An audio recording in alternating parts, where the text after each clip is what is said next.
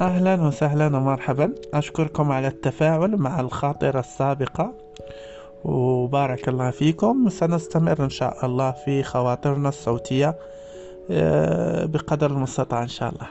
طبعا تفاعلكم ونشركم وكذلك يعني آه، تعليقكم على هذه الخواطر هو ما يدفعنا إن شاء الله المزيد من التواصل والعطاء أنا مريض ومتكئ في نفس الوقت وأتواصل معكم فاعذروني على الصوت.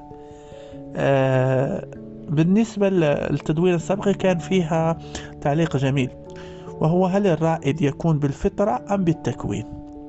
وفي الحقيقة ليس هناك آه، جواب يعني نهائي على هذا السؤال والسؤال كبير جدا لكن هناك مدارس ثلاثة حسب علمي يعني ثلاث مدارس رئيسية وهي المدرسة الأولى ممكن نسميوها مدرسة الفطرة وهي المدرسة التي تقول أن الريادة أو القيادة لا يمكن اكتسابها أبدا بل هي شيء يعني فطري يأتي مع الإنسان.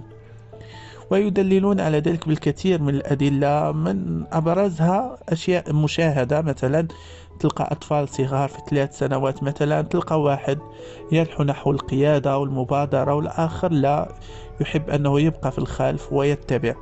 فممكن من ثلاث سنوات تعرف الطفل هل لديه القدرة على القيادة أم لا.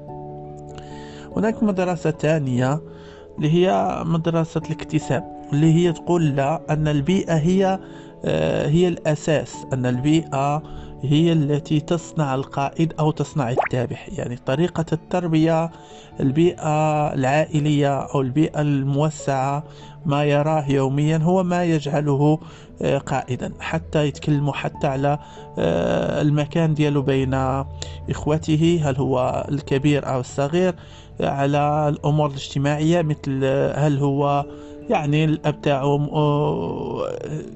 آه، قائد أم لا هل هو يتيم أو لا يتيم أم أو يتيم أب كل هذه أشياء يعني مكتسبة وتؤثر في آه، قدرات الطفل على القيادة. وبالتالي يقول لك أن القيادة مكتسبة وليست فطرية. المدرسة الثالثة وهي المدرسة التي أميل لها أكثر اللي هي تتخيل القيادة كأنها تخيلوا معي كأنه منحى على شكل جرس. فهناك يعني شق بسيط جدا نقول 2% واحد إلى 2% هادو قادة بالفطرة واحد إلى 2% قادة بالفطرة. وهادو يعني ممكن أي إنسان يكتشفه بسهولة لأن آه، حس المبادرة حس العناد حب أخذ القرار تلقاه فيه ظاهر وبامتياز. يعني كل إنسان ممكن أنه يراه. واحد إلى اثنين في المئة يكون عنده هذا ما نسميه بالاستعدادات الفطرية للقيادة. طبعا إذا وجدت البيئة القوية التي تدعمها فهذه إن شاء الله ستصنع لك قائدا عظيما. ثم هناك واحد إلى اثنين في المئة من الناس هذو ما يقدروش ياخذوا القيادة. يعني آه، شخصياتهم ليست مناسبة للقيادة تماما مهما عملنا ومهما كوناه.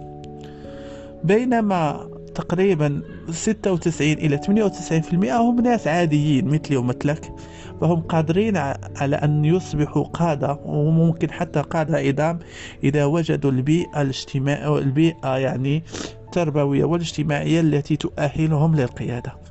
وبالتالي فالقيادة عند 98% إلى 99% هي مكتسبة. واحد إلى 2% من الناس ممكن ما يستطيعون أن يكونوا قادة مهما توفرت لهم البيئة. وهكذا فهذا هو الاتجاه الذي أنحو نحوه يعني. وطبعا القيادة هي هي مراتب. حتى القيادة ليست مرتبة واحدة. فعلى الأقل هناك خمس مستويات في القيادة وكل مستوى من هذه المستويات يعني له مهارات وله كذلك نتائج ولديه أشياء يركز عليها وهكذا. لو حبيتم مثلا نتكلم كذلك في مستويات القيادة وإلى لو أشياء أخرى كذلك يعني ترتبط بالقيادة فمرحبا. بارك الله فيكم. أنا أحاول دائما أني أجعل الخاطرة لا تتجاوز خمس دقائق بحيث أن الجميع يستفيد. بارك الله فيكم.